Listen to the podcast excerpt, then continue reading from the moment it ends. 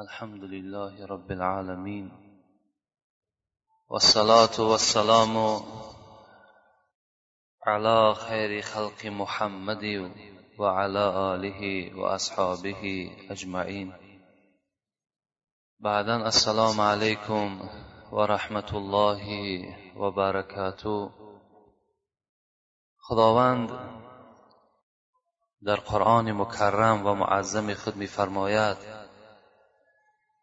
يا أيها الذين آمنوا اذكروا الله ذكرا كثيرا وسبحوه بكرة وأصيلا.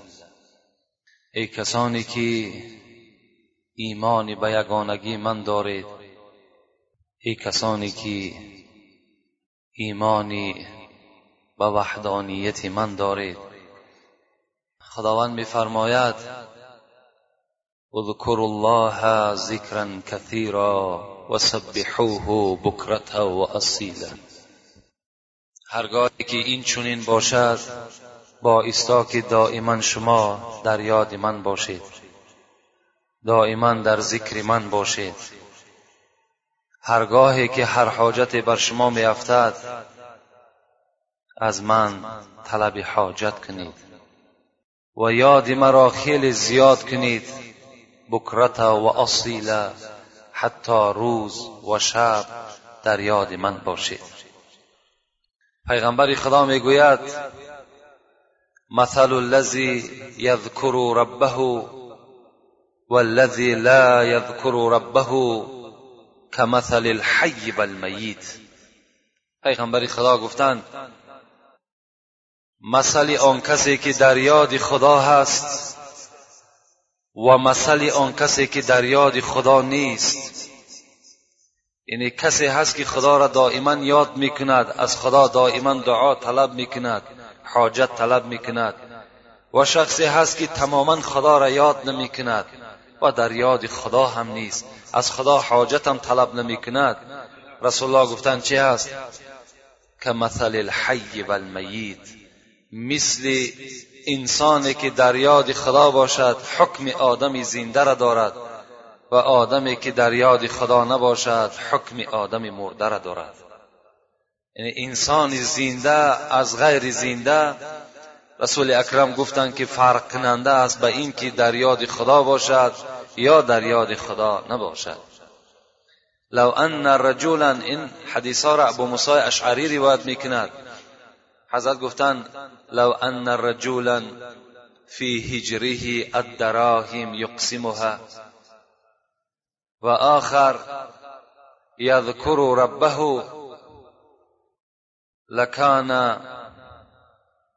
الذاکر لله افضل پیغمبر گفتند یک مرد هست که در کیسه خود خیلی درهم و خیلی پول زیاد دارد و هر یک مسکین و فقیری که رو پرو می شود به او انسان از همین مال داشتگیش تقسیم می‌کند و یک مرد هست که دائما در یاد خدا هست خدا را یاد می‌کند ذکر می‌کند. آیا کدام اینها در نزد خدا با قدرتر است؟ انسانی که در یاد خداست یا انسانی که دائم در تقسیمات خیر احسان است؟ کدام اینها افضل تر هستند؟ رسول الله گفتند لکان لکان الذاکر لله افضل. که در ذکر خداست در یاد خداست در حاجت خداست این از اون مردی که تقسیم کننده است افضل تر است با قدر تر است. از این خاطر ما و شما می‌خواهم یک فرصت یک دمی یاد خدا را می‌کنیم از خدای خود حاجت طلب می‌کنیم زیرا که از جمعه تا جمعه این خود کفارت گناه بنده مؤمن می شود اگر بنده مؤمن دیده و دانسته گناه نکند. و از جمعه تا جمعه مغفرت گناه های ما و شما می شود اگر از خدای خود البته طلب کنیم. اللهم انا نسألك علما نافعا و رزقا طیبا حلالا واسعا و لسانا ذاکرا و قلبا خاشعا و شفاء من کل داء. پروردگارا دست به سوی درگاه به همتای تو با امید آن برداشتیم که خدایا ما را هرگاهی که علم نصیب میگردانی علم باشد که به منفعت اسلام تو باشد.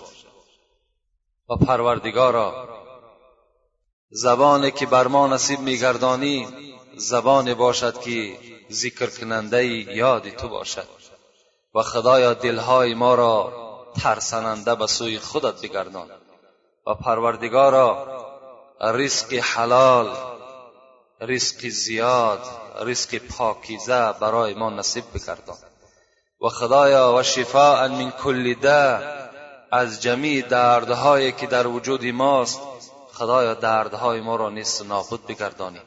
ما را فرزندهای ما را کش قومیتی که بیمار داریم. خدایا همگی را شفای کامل و شفای عاجل نصیب و روزی بگردان. اللهم حبب الیک و الى ملائک و انبیائک و جمیع خلقک. خدایا ما را محبوب خودت بگردان. خدایا ما را محبوب ملائکه هایت بگردان. ما را محبوب پیغمبرهایت بگردان. ما را محبوب جمیعی مخلوق هایی که در روی دنیا خلق کردی محبوب اونها بگردان. ربنا آتنا في الدنيا حسنة وفي الآخرة حسنة وقنا عذاب النار برحمتك يا أرحم الراحمين جمعه پیشین موعظه که با همراهی شما کردیم که مفصلا در باب دنیا و مزمت دنیا بود. که در دوام یک ساعت به سمع شما رسانیدیم. امروزم باشد. انشاءالله کمی در این باب دنیا و مذمت او با شما صحبت ها می‌کنم. و اگر وقت گنجایش دهد انشاءالله یک چند سوال هایی که خیلی زیاد شدن با اونها هم البته جواب گردانی می‌کنیم. پیش از آغاز صحبت یک غزل حضرت جنونی که در باب مذمت دنیاست. و سمع شما میرسانم. بسم الله الرحمن الرحیم. جوزی پوچ است جهان با او دل و جان مفروش. جوزی پوچ است جهان با او دل و جان مفروش. که به زندان علم یوسف کنعان مفروش. این رباط است که صد قافله را سازد و خاک. این رباط است که صد قافله را سازد و خاک. تو به این کهنه سرا روزه و ریزوان مفروش. نفس تو نان طلب و جان تو جانان طلب است. نفس تو نان طلب و جان تو جانان طلب است. وصل آن جان جهان بر شکمی نان مفروش. وصف فردوس ز تفسیر کلامش بشنو وصف فردوس ز تفسیر کلامش بشنو گلشن او تو به این ریگ و بیابان مفروش. وقتی آخر که رسد دیو به یک کاسه آب.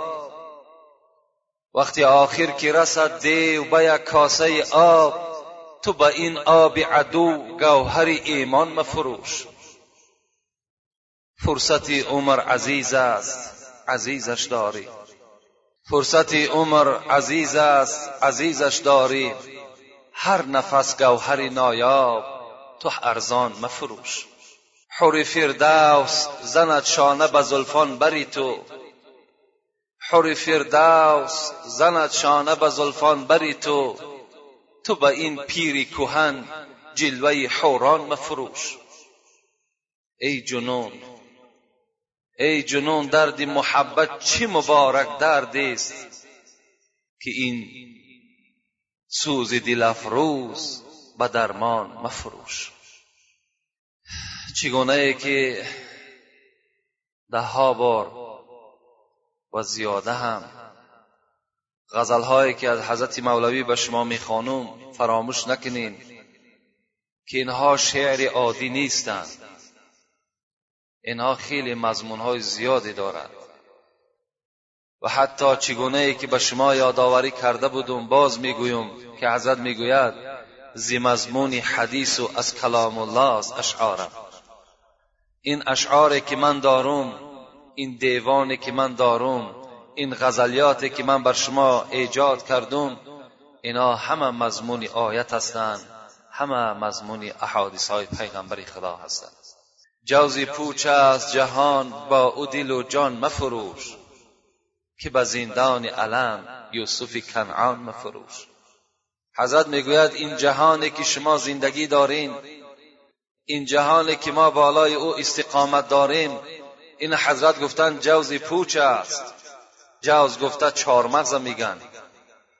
یک چهارمغزی که داخلش پوچ است بیرونش خیلی زینت دارد خیلی زیبایی دارد. لکن داخلی او پوچ است داخلی او حسرت است گفتگی شما به این چهار مغز پوچ چکار نکنین؟ شما آن بستان سرا و آن جنتی که همه نعمتهای خدا بهر شما آماده شده است اون از دست ندهین. جنت را به این دنیایی که به یک چهارمغز پوچ حضرت تشبیه دادن به این نفروشید. این رباطی است که صد قافله را سازد و خاک تو به این کهنه سرا روزه و ریزوان مفروش. این دنیا به منزله همون رباط است. رباط گفته یک آخرجه را میگیم و شما که مالها از داخل او آب می نوشند و خوراک خدا می‌خورند. این به منزله همون آخرجه هست. که هزارها کاروان خوردند و همه خاک گشتن نابود شدند. شما هم به منزله او هستید. شما هم یک کاروان دیگر هستید. از این دنیا یک موضع یک مدت پنجاه سال شست سال ناز و نعمتهایی را می‌خرید بعدا چی میشین؟ به خاک مبدل میگردین. این فراموش نکنید. وصف فردوس زی تفسیر کلامش بشنو. وصف فردوس زی تفسیر کلامش بشنو. گلشنی او تو به این ریگ و بیابان مفروش.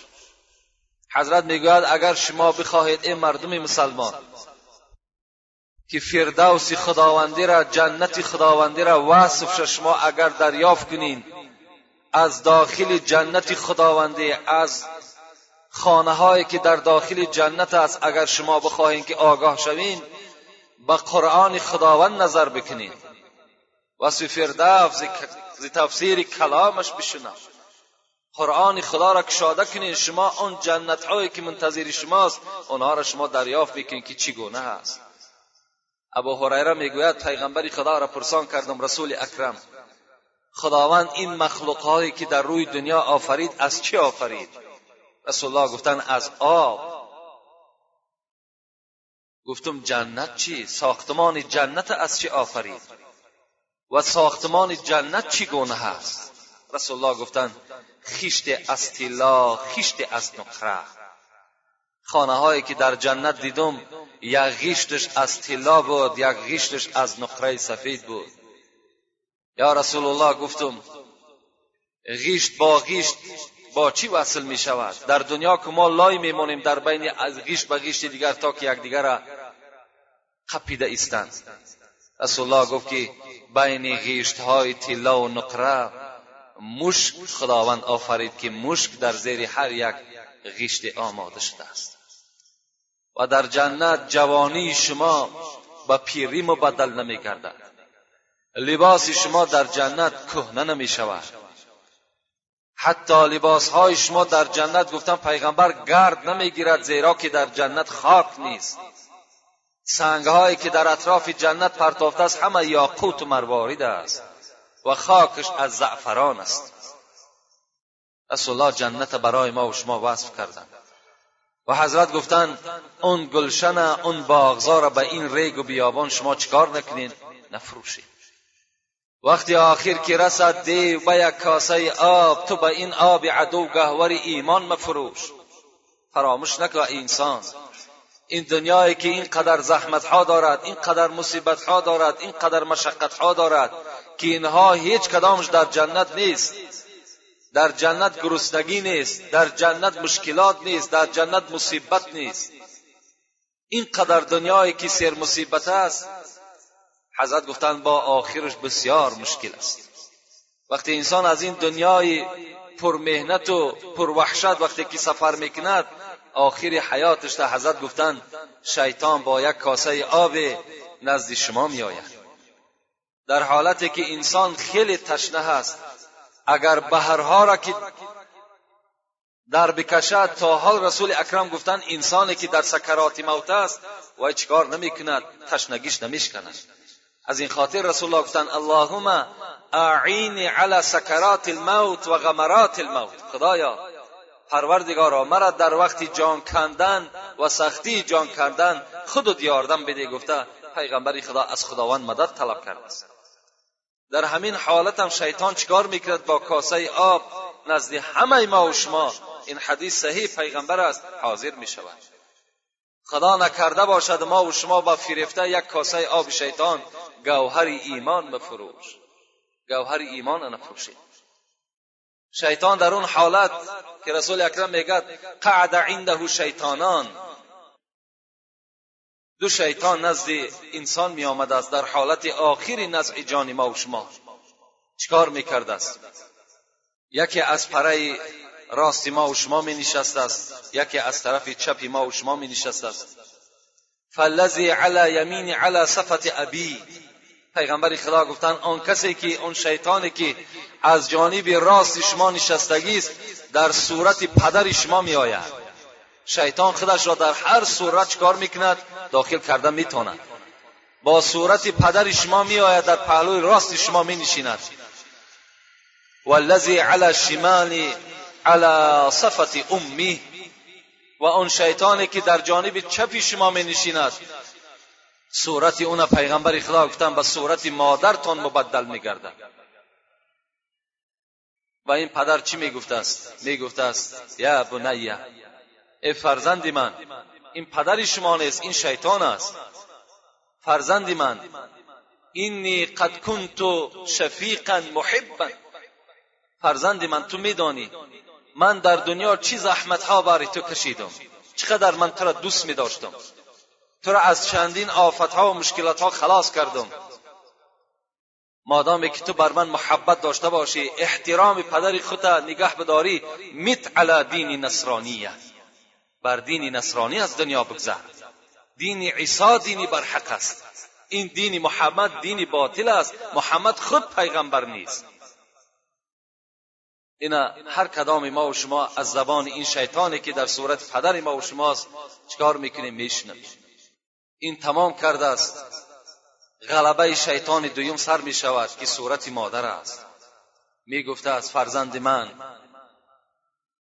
بطنی لک وعاء تو میدانی فرزند من همین شکم من نه ماه بارجاگه تو بود.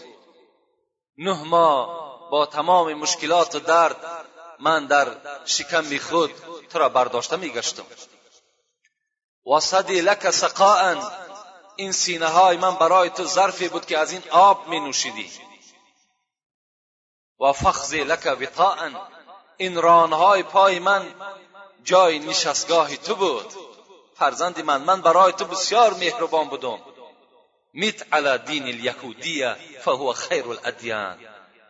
من برای تو نصیحت می‌کنم که تو بر دین یهودی از دنیا بگذر.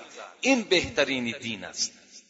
وای به حال اون بنده ای که در اون صورت رحمت خداوندی بالای او نریزد یا دین نصرانی یا دین یهودی را یکی را قبول می‌کند خاطر همان یک کاسه آب شیطان از دنیا به ایمان میگذرد مولوی می‌گوید مسلمان بودنی تو کی به کار است؟ مسلمان مردن اینجا اعتبار است. این مسلمان بودن و این در زبانی که ما و شما داریم اینها میگه چی فایده دارد؟ فایده همین است که اگر شما از دنیا مسلمان بگذرید. مسلمان بودنی تو کی به کار است؟ مسلمان مردن اینجا اعتبار است. عزیزانی که از گریه نیاسود همه اندوه و خوفی خاتمه بود. همه حضرت ها همه عزیزای ما و شما فقط و فقط ترس آنها گریه آنها فقط برای خاتمه بود. که خاتمه چگونه انجام یافته باشد؟ کس نمی‌داند که وقتی جان سپاری حال چیست. خون دل با غصه مردن خورو غمناک رفت. هیچ کدام ما و شما نمی‌دانیم. نمی‌دانیم که الحال ما و شما وقتای ما و شما خوش است. ما و شما خدا را شکر با قدم های مستحکمی خود هر جا که می‌خواهیم رفتن می‌گیریم. زبان های ما و شما در گفتار است لیکن دمی آخری ما و شما چگونه انجام یابد کسی نمی‌داند. این شما باید دایم در فکر این باشید. چگونه انجام یافته باشد؟ آیا ایمان از دنیا می برده باشیم یا نه؟ اینا باید در فکر هر کدام ما و شما دور بگردد فرصتی عمر عزیز است عزیزش داری. هر نفس گوهری نایاب تو ارزان مفروش. حوری و زند شانه به زلفان بری تو. تو به این پیری کهن جلوه حوران مفروش. حضرت می‌گوید ای بنده مسلمان در جنت خدا بهر تو چی؟ چی نعمتهای آماده کرده است؟ از آن جمله حور العین زنهای هستند که شما چکار می‌کنید محتاج و منتظر شما هستند اینها را حور العین از سبب آن می‌گویند که اینها چشمهاشان میگه از سپیدی دیده سیاه و سیاهی دیده سپیدیشان زیادتر است حتی چشم انسان خیره کننده هستند از این خاطر ایرا چی میگن؟ حور العین می‌گویند. و رسول اکرم گفتند آیا زنهای دنیا برای خود مهر ندارند؟ گفتند دارند. ما و شما مهر میتیم. یعنی اون قلینگه که بهر زنهای دنیاوی می‌خریم رسول الله گفتند حور العین جنت هم به خودش مهر دارد قلینگ دارد. گفتند چی هست؟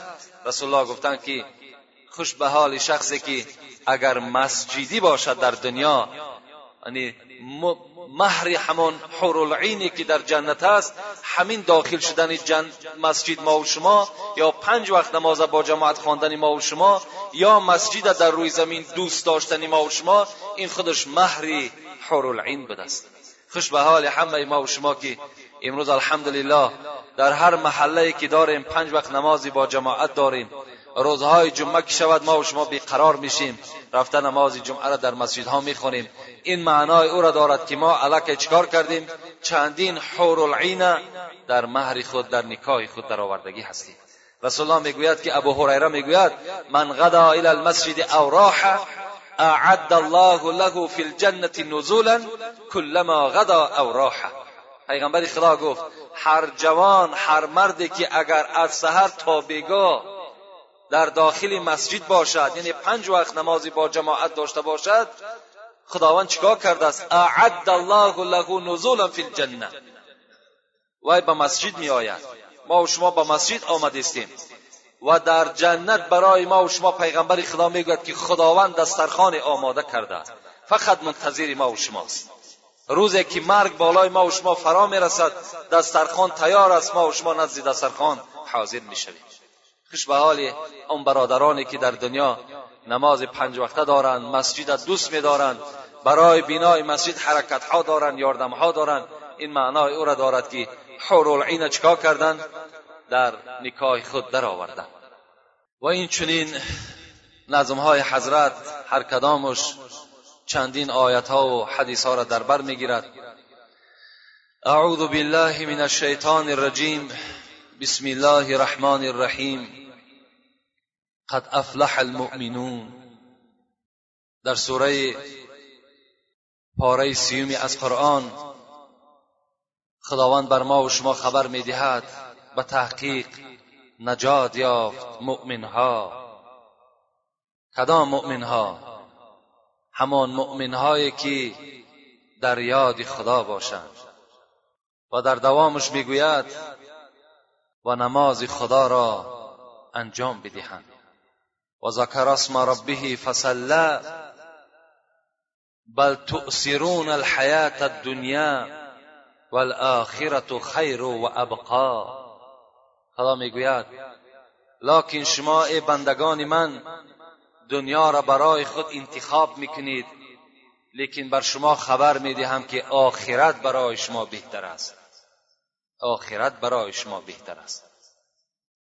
زیرا که این دنیایی که برای شما خبر دادم این در ورقهای پیشین حتی در ورقهایی که به حضرت ابراهیم و حضرت موسی آمده بود در اون ورقها هم مذمت دنیا بر این پیغمبرها رسیده بود. خوش به حال شما که وقتی که اگر شما چیکار می‌کنین دنیا را نه بلکه آخرت برای خود انتخاب می‌کنین. زیرا از حدیث هایی که جمعه پیشین بر شما گفته بودیم پیغمبر خدا گفته بود ان الله لم یخلق خلقا ابغض الیه من الدنیا و انه منذ خلقها لم ینظر الیها رسول اکرم فرمودند خداوند میگوید به درستی این که من مخلوق آفریدم بدترین مخلوق به سوی من است که این دنیا هست از زمانی که این دنیا را من آفریدم بر سوی این دنیا من نظر رحمت کردگی نیستم. حتی که در حدیث های دیگری پیغمبر می‌گوید لو كانت دنیا تعدل عند الله جناح بعوضة ما سقا کافرا منها شربت ما. پیغمبر خدا گفتن اگر دنیا در نزد خداوند قدر می داشت قیمت می داشت همین دنیایی که ما و شما زندگی داریم. نمیگذاشت که این کافرانی که قرآن این کار می‌کنن خدا را این کار می‌کنن محمد این کار می‌کنن. نمیگذاشت که اینها از این دنیا یک قطره آب بینوشند اگر دنیا باشد که در نزد خدا قدر میداشت. البته مادامی که خانه های ما و شما که برای ما و شما قدر دارند ما و شما دشمنی خدا در خانه نمی‌گذاریم. هیچگاه راه نمیتیم که در خانه ما و شما دشمنی ما و شما داخل شود.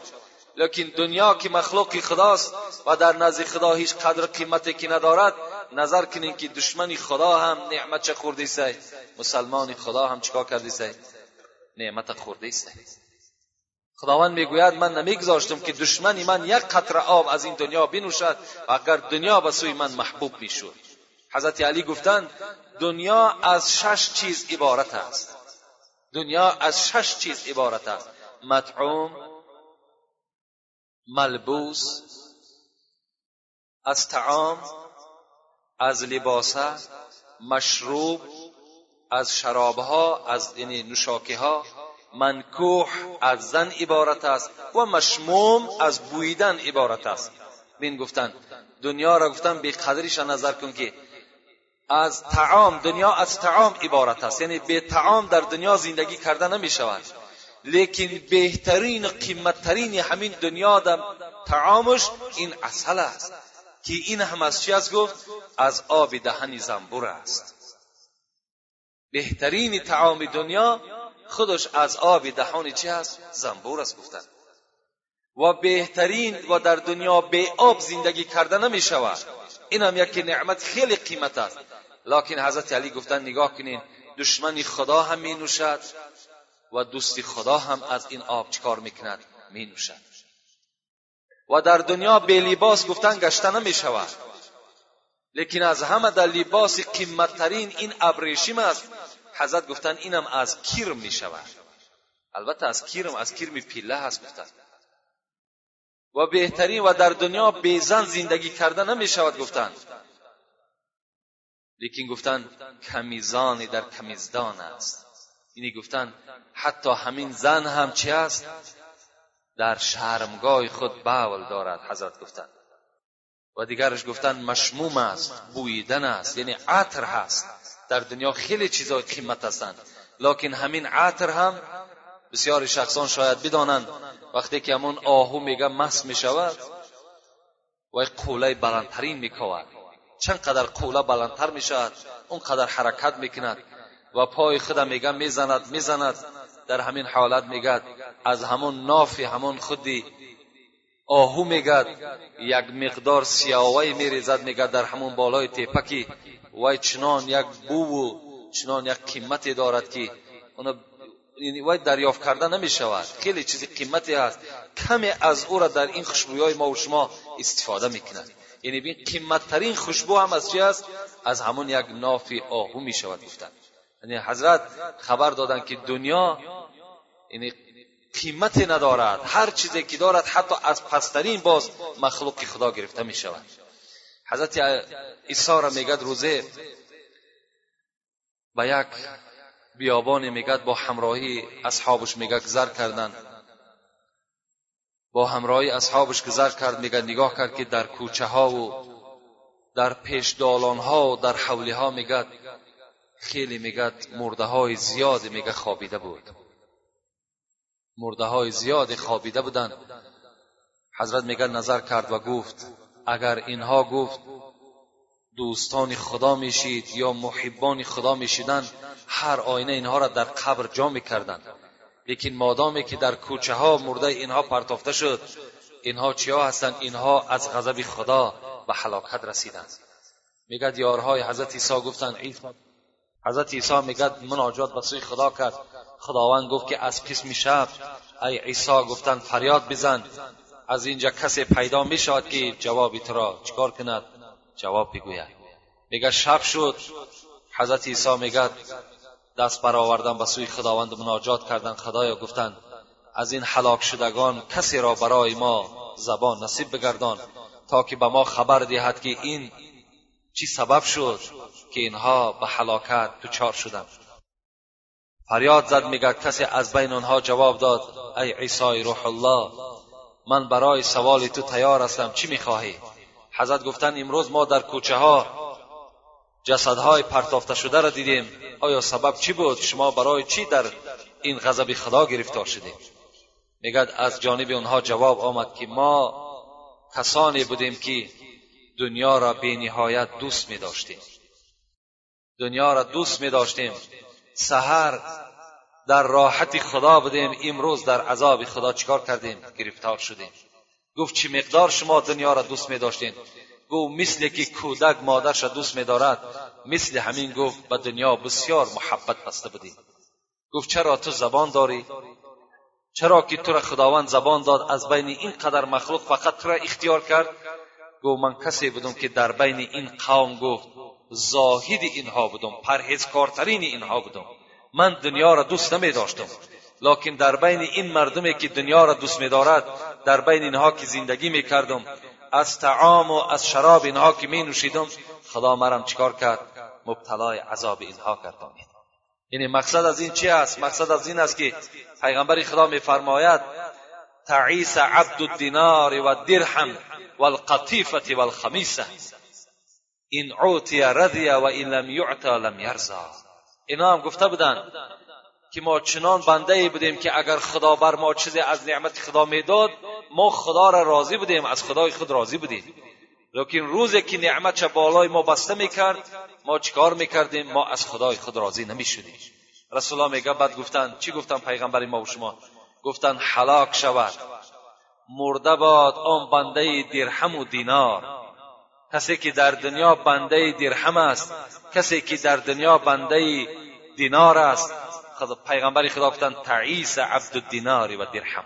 خدا حلاک کند بنده ای که دوستدار درهم و یعنی دوستدار پول و مال دنیا هست. و القطیفه و الخمیسه پیغمبر خدا باز این دو چیز دیگر هم علاوه کردن. خدا حلاک شود بنده ای که فقط و فقط در پوشیدن بهترین لباس ها و در بالای بهترین جایگاه ها خوابیدن دوست می دارد خدا حلاک باد این گونه بنده را رسول الله دوست نمی رسول الله اختیار نکرده بودند دنیا را. حتی حضرت ابو هریره می‌گوید وقتی که من از حال پیغمبر خدا به شما حکایت کنم که رسول الله ما یجید من الدقل. حتی میگه شبهای می‌شد که پیغمبر خدا یعنی خودش میپیچاند از گرسنگی از شدت گرسنگی حتی پوست خیرما هم دریافت نمی‌کرد میگه ما یملا بهی بطنه حتی پوست خیرما هم نمیافت که شکم خچه حضرت میگد سیر کنه. یعنی اگر می‌خواست دعا می‌کرد دنیا همه برای خیرما میگرد. همه یو تنگه میگرد. همه یو ناز نعمت در پیش پیغمبر خدا چکار می‌کرد؟ پیدا می‌شد.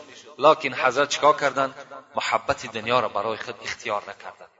و برای ما و شما هم گفتند که ابو سعید خدری می‌گوید جلس رسول الله صلی الله علیه و سلم علی المنبر و جلسنا حوله. پیغمبر خدا بالای منبر برآمدند. بالای منبر برآمدند و ما در اطراف پیغمبر خدا نشستیم. و رسول اکرم میگه به جانب همه ما گفت چی گفت؟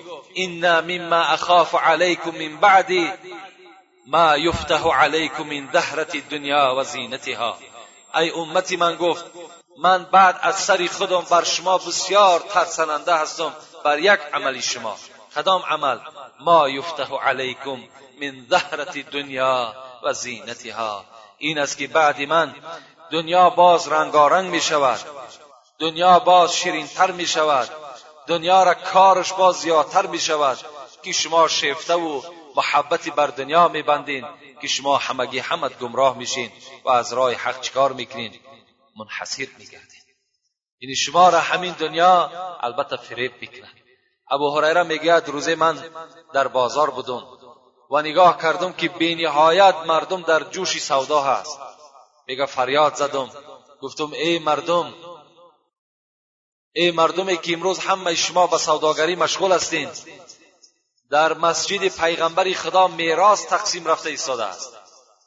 میراث پیغمبر خدا را تقسیم دارند. آیا شما چرا از میراث پیغمبر خدا چیزی نمی‌گیرید؟ میگه وقتی که شنیدن که میراث پیغمبر خدا تقسیم می شود فکر کردن که اشیای دنیا هست فکر کردن که مال دنیا هست همگی میگه به مسجد دویده آمدند وقتی آمدن در آمدن در مسجد کسی را ندیدند مگر یک مردمی را دیدند و پس گشتند به پیش ابو هریره رفتند گفتند ابو هریره در پیغمبر خدا را در مسجدش هیچ تقسیم میراث نمی‌رفت. ابو هریره میگد گفت کسی در مسجد نبود؟ گفت مردم زیاد بود لکن تقسیم میراث نبود بلکه یک گروهی مردم نماز می‌خواند. یک گروه به ذکر خدا مشغول بود. یک گروه دیگر ذکر حلال و حرام می‌کرد. دیگر هیچ چیزی در مسجد نبود. ابو هریره گفت این مردمی نافهم گفت میراث پیغمبر خدا انا همون است گفت.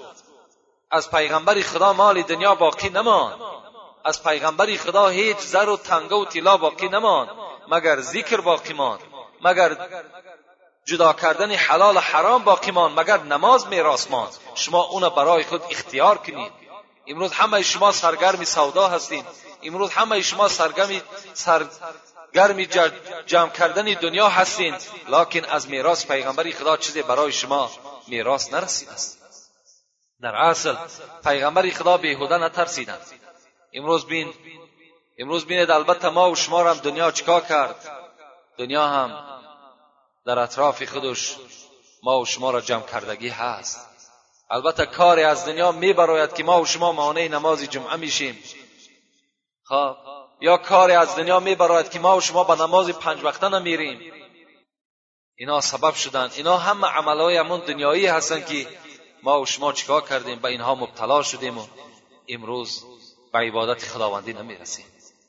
لکن از همه خلاصه گپ همین است که انسان در دنیا زندگی کردنش غلط نیست. ما و شما زندگی می‌کنیم صاحب فرزند میشیم صاحب مال و اسباب انجام میشیم. لکن فراموش نکنیم فراموش نکنیم که محبتی بر دنیا و محبتی بر این عمر بستن این چی است این خودش غلط است. کاری کنیم که در هیچ حالت در هیچ موضع پیش راه ما و شما را این دنیا نگیرد بلکه در هر حالتی که باشیم وقتی ساعت خدا را ذکر کردنش آمد ما و شما باید که به مسجد حاضر شویم. امروز چنان دنیا هم شیرینیش در ما و شما غلبه کرد که حتی که بین اگر یک برادرمان یا دادرمان یا اولادمان که اگر از مال دنیا چیزی نداشته باشد ما با او صحبت هم نمی‌کنیم. ما او را قدر شناسی هم نمی‌کنیم. به قدر اون برادری که دولت ندارد سولت ندارد به قدر او نمی‌رسیم حتی سعدی می‌گوید که زمان خودش حتی حضرت یادآوری کردند. که امروز به زمان ما و شما بینهایت مطابق است. چی گفتن؟ گفتن امروز خلق خیش بسیم و بزر کنند بیزر اگر برادر زو هم حذر کنند امروز زمانی شد میگد که تمام کار انسان تمام برادری و تمام همنشینی ما و شما فقط به واسطه پول و مال دنیا شد. امروز خلق خیش بسیم و بزر کنند بیزر اگر برادر زو هم حذر کنند. اگر برادرش خواه برادری مادری و پدریش است خواه مسلمانی که مسلمان و مؤمن همه با یکدیگر برادر هستند. اگر یک مردی که مثال مال نداشته باشد پول نداشته باشد برای ما و شما چی است؟ وای برادرم دیگر حساب نمی‌خورد زیرا وای فقیر است زیرا وای دستی نارسا دارد. امروز خلقش خیش به سیم و بزر کنند. بیزر اگر برادر زو هم حذر کنند. زردار اگرچی نادان گویند عاقل است. بیزر اگرچی دانا مثلش به کنند. حضرت بین میگد امروز زمانی شده است که حتی آدمی که بیزر است بیدولت است. امروز کسی بیدولت است کسی بیزر است. او پیروی رسول اکرم است. پیغمبر خدا مال نداشتند. هیچ دوستان خدا دنیادار نبودند. زردار اگرچی دانا گویند نادان گویند عاقل است بیزر اگرچی دانا مثلش به کند. زردار اگر بمیرد خیشان غیر گیریند بیزر اگر بمیرد کم چشم تر کند. امروز زمانی شد میگد اگر آدم پولدار و دنیادار از دنیا بگذرد تمام مردم بیگانه و خودی برای او گریه می‌کنند. لیکن آدمی که از دنیا بی مال و بی ملک اگر میگذرد برای او کسی هم گریه هم نمی‌کند دیگر. زردار را به مجلیس جای دهند به سر بیزر اگر بیاید جا تنگتر کنند اگر یک آدمی زردار نه وی دین دارد وی نماز دارد وی خدا دارد ندارد برای ما و شما اینوش هیچ اهمیت ندارد. مگر زردار است مگر منصبدار است مگر آبرودار است. وقتی در خاندان حاضر می شود همه ما و شما به سر می خیزیم ما و شما خوش و انسان قبول می‌کنیم. لیکن یک انسانی که نماز می‌خواند مسلمان است انسانی که به خدا نزدیک است نماز شب هم دارد لکن پول که ندارد مال که ندارد در نزد ما و شما قدر قیمتی ندارد. همه این چی است همه این دنیا هست. همه این محبت همین مال است. وقتی میگد همین پول برآمد درهم و دینار که برآمد میگد شیطان میگد گرفت میگه در پیشانی خود میگد اینها را چسباند. و میگد گرفت بوسه کرد. و گفت کدام انسانی که این دو را دوست داشت یعنی این درهم و دینار را دوست داشت اینها حقیقتا بنده من هستند. اینها را برای من آسان است که گمراه کنم. در اصل امروز کجا یک آدمی دولتداری هست بین اکثریتش؟ انشاءالله در بینش بنده های خوبم آدم های خدا ترسم خیلی زیاد است. یکی خدا در قرآن هم خبر می‌دهد کلا این الانسان لیطغا ار استغنا هر آینه انسان سرکش می شود. وقتی که خودش به دولت می بیند و بای می بیند. وقتی به دولت شید وقتی بای شید تا جایی که شکرانه خدا را باز زیادتر کند. همین نعمت که خدا داده است. تا جای نعمت خدا را گرفته و شکرانه و عبادت خدا را زیاد کند در حال چکار می‌کند سرکش می شود. در حال دیگر بنده های خدا را نمی‌شناسد به قدری بنده های خدا نمی‌رسد طرفدارهای زیاد مییابد رفیقهای خیلی زیاد مییابد حتی که بین فرزندهای کجا یک آدمی پولدار و مالداری هست حتی امروز در یگان حبسخانه محکم هم نیستند اگرچه صد جنایت هم داشته باشند این مال کاری خودش می‌کنند میگد در یک زمانهای یک مردی دارا بود میگد اسب داشت در خانهش یک قصه در باب همین میارم. یک مردی بود میگد خیلی دارا بود و اسب داشت در خانهش میگد و یک همسایه فقیر داشت. که میگه یک گاوی داشت. روز میگد این گاو گوساله کرد. این مردی دارا چگونه پیغمبر خدا گفتند اگر برای فرزند آدم یک وادی از تیلا را اگر عطا کنیم هر آینه وادی دویم شد طلب می‌کنند اگر وادی دویم از تیلا طلب اگر عطاش کنیم وادی سیوم شد طلب می‌کنند فرزند آدم از مال دنیا سیر نمی شود مگر خاک گور ای را اگر سیر نکند. این این مردی دارا وقتی که درک یافت میگد که این گاوی همسایه میگه گساله کرده است. در حال میگه نزد قاضی را و گفت همین گساله گاو گفت همین گساله را که در خانه همسایه من است همین اسبی من زاید است. مادام پول داشت مال داشت قاضی را میگه از خود کرد. و گو حجت ترتیب ده تا که همین گساله همین مرد من از خود کنم. محکمه دا میگه کشیدن. صاحب گاوم حاضر شد. این به هم حاضر شد. و میگه این مرد فقیر گفت ای قاضی گفت من هیچ باور نمی‌کنم که اسب گساله بزاید. ای چی حکم است که تو برای خاطر این مرد ثروتمند این حکم جاری کردی؟ آیا یگان دلیل داری؟ گفت دلیل گفت این است که چشمهای همین گساله گفت به چشمهای اسب مانند است. در اصل چشمهای همه حیوان به حیوان مانند هستند. و این پاهایی که دارد گفت چهار پا اسب هم چهار پا دارد. گفت این گساله از همین اسب است گفت. حکم برآورد از بین چند مقدار میگد گذشت.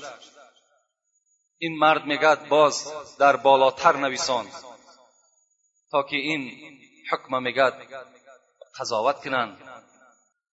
میگد وقتی که به بالاتر نویسان اونجا یک قاضی خیلی به انصافی بوده است. وقتی این مرد توانگر که خیلی غرور داشت میگه تکبری کلان داشت. وقتی با این مرد فقیر میگه در محکمه که حاضر شد. این قاضی میگه نگاه کرد که بسیار غرور و تکبر این آدم توانگر زیاد است. چیکار کرد؟ میگه یک مدت ایستاد و گفت این کار شما گفت به فردا می‌گذاریم. گفت چرا؟ گفت من الحال حیز دیدم.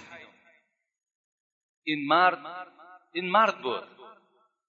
قاضی کلانی که الحال باید این مسئله را حل کند گفت من حیز دیدم الحال گفت در حالت حیز گفت من حکم نمی کنم این توانگر حیرت دمان گفت نخواه که مرد گفت حیز بیند. این حیز گفت کسلی زنانه هست. گفت اینا گفت را در تعجب افتاد. لکن اسب گساله زاید. این عجیبتر نیست گفت. و حضرت حکم کردن آدم دانشمند آدم مسلمان طرفداری آدم فقیر چکار کردن؟ طرفداری کردن. امروز ما و شما هم باید که هر جا که یک برادری داریم نمازخان است خدا ترس است. پیروی رسول اکرم است پیروی سنت های پیغمبر خداست. نابسته مال دارد ندارد ما و شما باید به اینها محبت بندیم. باید اینها را ما و شما دوست بداریم. اینها را ما و شما از معرکه های خود بیرون نکنیم.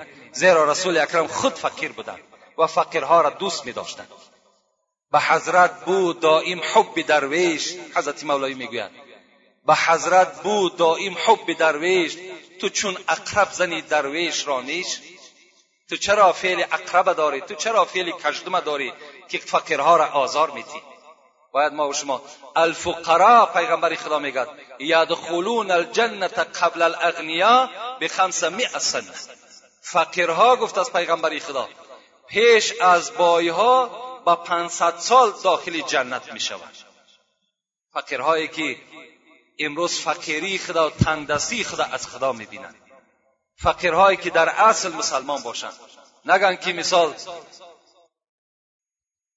ریسک خودشونه از دوره های پیش بینند یا ریسک خودشونه از یگان مرد دیگر بینند بگویند که فلانی بود ما سیر بودیم پر بودیم. فلانی کی نیست یا فلان دوره کی نیست ما الکی تشنه و گرسنه ماندیم. این گونه فقیرانی. فقیرانی که از خدا دیدند فقیرانی که تمام پستی و بلندی خدا. از جانب خدا می‌بینند. اینها داخل جنت میشن گفت پیغمبر پیش از بایها با 500 سال. انشاءالله در این باب دنیایی که دو جمعه با شما صحبت داریم خیلی موضوع کلان هم هست.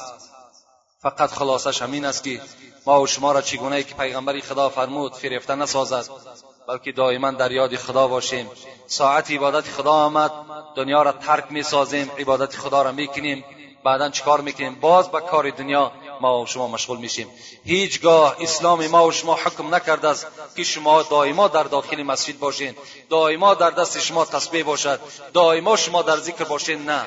بلکه فیضا قضیت صلات فانتشر فی الارض. شما نماز خدا را خواندین عبادت خدا را کردین بیرون شوین به حولی براین به میدان براین کار خدا را کنین. فقط در حالت عبادت خدا شما به دنیا مشغول نشین.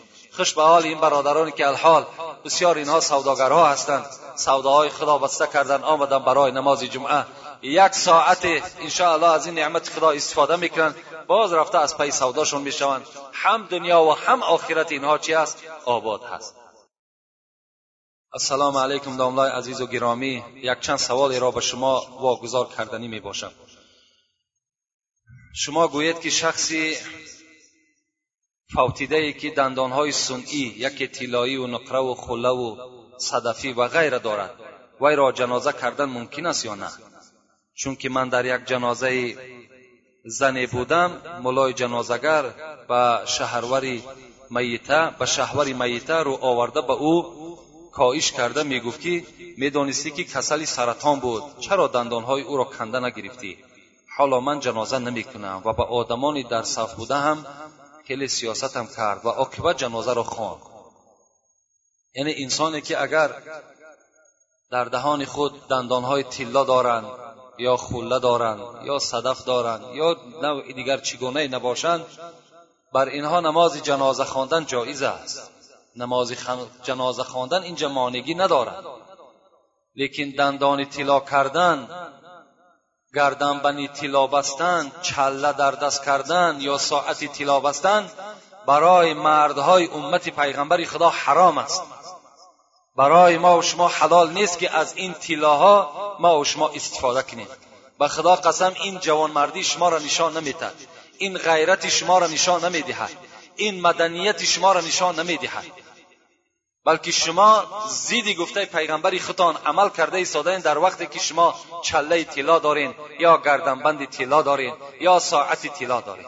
شما به اینا افتخار نکنین. شما به عملهای صالحتان افتخار کنین شما با همین مؤمن و مسلمان بودنتان افتخار کنین این از همه در افتخار بلند است. دندان طلا را در صورت جایز میگن که اگر در او چی است در او ضرورت پیدا می شود ضرورت پیدا شد میلش جایز می‌گویند امروز جمع علما همه به اتفاق دارند که وقتی که اگر دندان ضرورت شد میلش لکن از روی زیب و زینت یا از روی دولتداری اگر دندان طلا کنی این حرام است در این در نزد خدا چی میشه تو گناهگار میشه السلام علیکم داملای عزیز من یک مادر اسلامی شما در هر یک نمازهای جمعه اشتراک می‌کردم من از نصیحتهای خوش اسلام و سخنهای از صمیم دل و شیرین شما دلم به اسلام باز هم نزدیکتر شد. من پسری دارم نماز بامداد را قضا می‌خواند. بزم این باشد مرا حقارتهای بیزیب و و گپش می‌گویم گپم را گردانده بالایم داد می‌زند. من مادر اویم در همین مسجد شما نماز می‌گذارد کمی باشد با این خیل پسران نصیحتها کنید. من شوهر ندارم. با این فرزندان من همچون پدر و مادر اینها را به وایه رسانیدم. التماس می‌کنم که این سوال مرا جواب یاب مگر این گناه نیست خداوند به این چی لعنت می‌کند؟ یعنی این مادری بود است که در مسجدهای ما و شما هم نماز میخواندم. فرزند او هم در مسجد ما و شما نماز می‌خواند. نابسته فرزند او است یا غیر فرزند او هست. ما جمعه آینده انشاءالله چه خیلی که وعده کردیم درباره پدر و مادر صحبت داریم. حق پدر مادر و حق فرزندم بالای پدر مادر چی هست؟ انشاءالله به سمع شما میرسونیم. الحال همین گفتنی هستم. پیغمبر خدا می‌گوید رغم انفه رغم انفه رغم انفه من ادرک عبویه عند الكبر او کلاهما ثم لم يدخل الجنه پیغمبر خدا گفتند خاکالود باد بینی شما خاکالود باد بینی شما خاکالود باد بینی شما. بیننی رسول اکرم مثل یک دعای بدی نکردند مگر انسان میگد در کدام حالت بینیش خاکالود می شود وقتی که اگر در لحد خواب باشد. یعنی مثل که مردن شما بهتر است. مردن شما بهتر است مردن شما بهتر است. این به سوی کی هست؟ به سوی کسی هست پیغمبر خدا گفت که در حال حیاتی پدر و مادر مییابد یا یکی از اینه یا پدر یا مادر مییابد و داخل جنت نمی شود مردن این خیل فرزند بهتر است. یعنی از این معلوم می شود که یافتن جنت ما و شما به احترام پدر و مادر ما و شما. اگر ما نماز بخوانیم ما روزه بگیریم از مالمان زکات دیم خب احترام علم علما را بکنیم. لکن پدر و مادر از ما و شما خفه باشد ملال باشد. همه این حسنات نیکی های ما و شما نابود می شود اینا در نزد خدا هیچ قدر قیمت پیدا نمی کنند السلام علیکم داملای محترم بعد از سلام از درگاه الهی سلامتی شما را خواهانم از شما خواهش دارم به دو سوال من جواب دهید بعد نماز شام سی سی و پنج دقیقه کفایت است یا برای خواندن نماز خفتن اگر کمی وقت را درازتر کنیم قوم پراکنده می شود و دیگر به مسجد نمی آیند البته همچنان قوم باشد که به سی مینوت سی و پنج مینوت طاقت داشته باشد باور که خداوند محتاج این گونه عبادت نیست. و من کفر فان الله غنی حمید. اگر همه شما که کافر شین خدا میگه من بایستم و باکی هم ندارم. برای چی در عبادت خدا طاقت نمی‌کنند در یک تلویزیونی که تمامش وجودش فساد است برای همو را تماشا کردن ساعتها در بیخش میگلتد تماشا می‌کند طاقت دارد. اگر یک معرکه باشد برای که همون زهری تنه شود خوردگیش اگر ساعتها بشیند طاقت دارد. لیکن برای عبادت خدا که یک ساعت و یکصد پانزده منوت است طاقت ندارد. این خیل قوم هم لازم هم نیست. اگر همین خیل قوم بیطاقتی باشد که یک ساعت و پانزده منوت به کمش ایستادن در کار. حالا که امروز یک ساعت و سی منوت باید بسیم و شما. یک ساعت و پانزده منوت نیستد همون لازمش رفتنش در کار است. این گونه قوم برای مسجد لازم هم نیست. این مسلمان هم مسلمان کامل هم نیست. این اعتقاد مستحکم هم ندارد طاقت خیلی داملا را عوض کردن در کار. اگر همو داملا هم که خودش طاقت نبود داملا هم نیست آخه. و حیف بگیره این منبره. حیف بگیره این محراب وقتی که داملا خودش آدم طاقت باشد. در دام یک ساعت باید نشیند بین قوم مسئله خانی کند امر معروف کند ای منکر کند. این است البته وظیفه داملا و و این است وظیفه قوم. ای چی بود است برای یک نماز جماعتی که پیغمبر خدا باری هم ترکش نکردند. در حالتهای وزنین ترین که رسول اکرم ساعتها به وفاتش مانده بود نماز جماعت خواندن حضرت. ما و شما ترکش می‌سازیم. ما و شما طاقت نداریم. در روزهای گرم داخل مسجد خالی ایستد و در صحن مسجد نماز خواندن درست است یا درست است. در صحن مسجد هم حکم مسجد دارد همون صحن مسجد هم که شما اگر در حالتهای گرمی که هیچ طاقت فرسا نیست یعنی در داخل مسجد نشستن نمی‌شود اذیت گرمی شما می‌تونید در صحن مسجد هم که نماز خوانین انشاءالله ثواب همون مسجد چکار می‌کنین؟ دریافت می‌کنین. و آخر دعوانا ان الحمد لله رب العالمین. پروردگارا از ثواب و ثمره این موعظه هایی که به سمع این بندگان خدا رسانیده شد. خدایا از ثواب این همه ما را برخوردار بگردانی و عاقبت همه کار ما بندگانت را به خیر بسازی. مرادها و مطلبها و مقصودهای نیکی که در دلمان داریم خدایا با فضل کرم خود برآورده خیر بگردانی. آرامی را خدایا در روی دنیا علال خصوص در این جمهوری ما برقرار و بردوام. خدایا نگه ربنا آتنا فی الدنیا حسنة و فی الآخرة حسنة و قنا عذاب النار.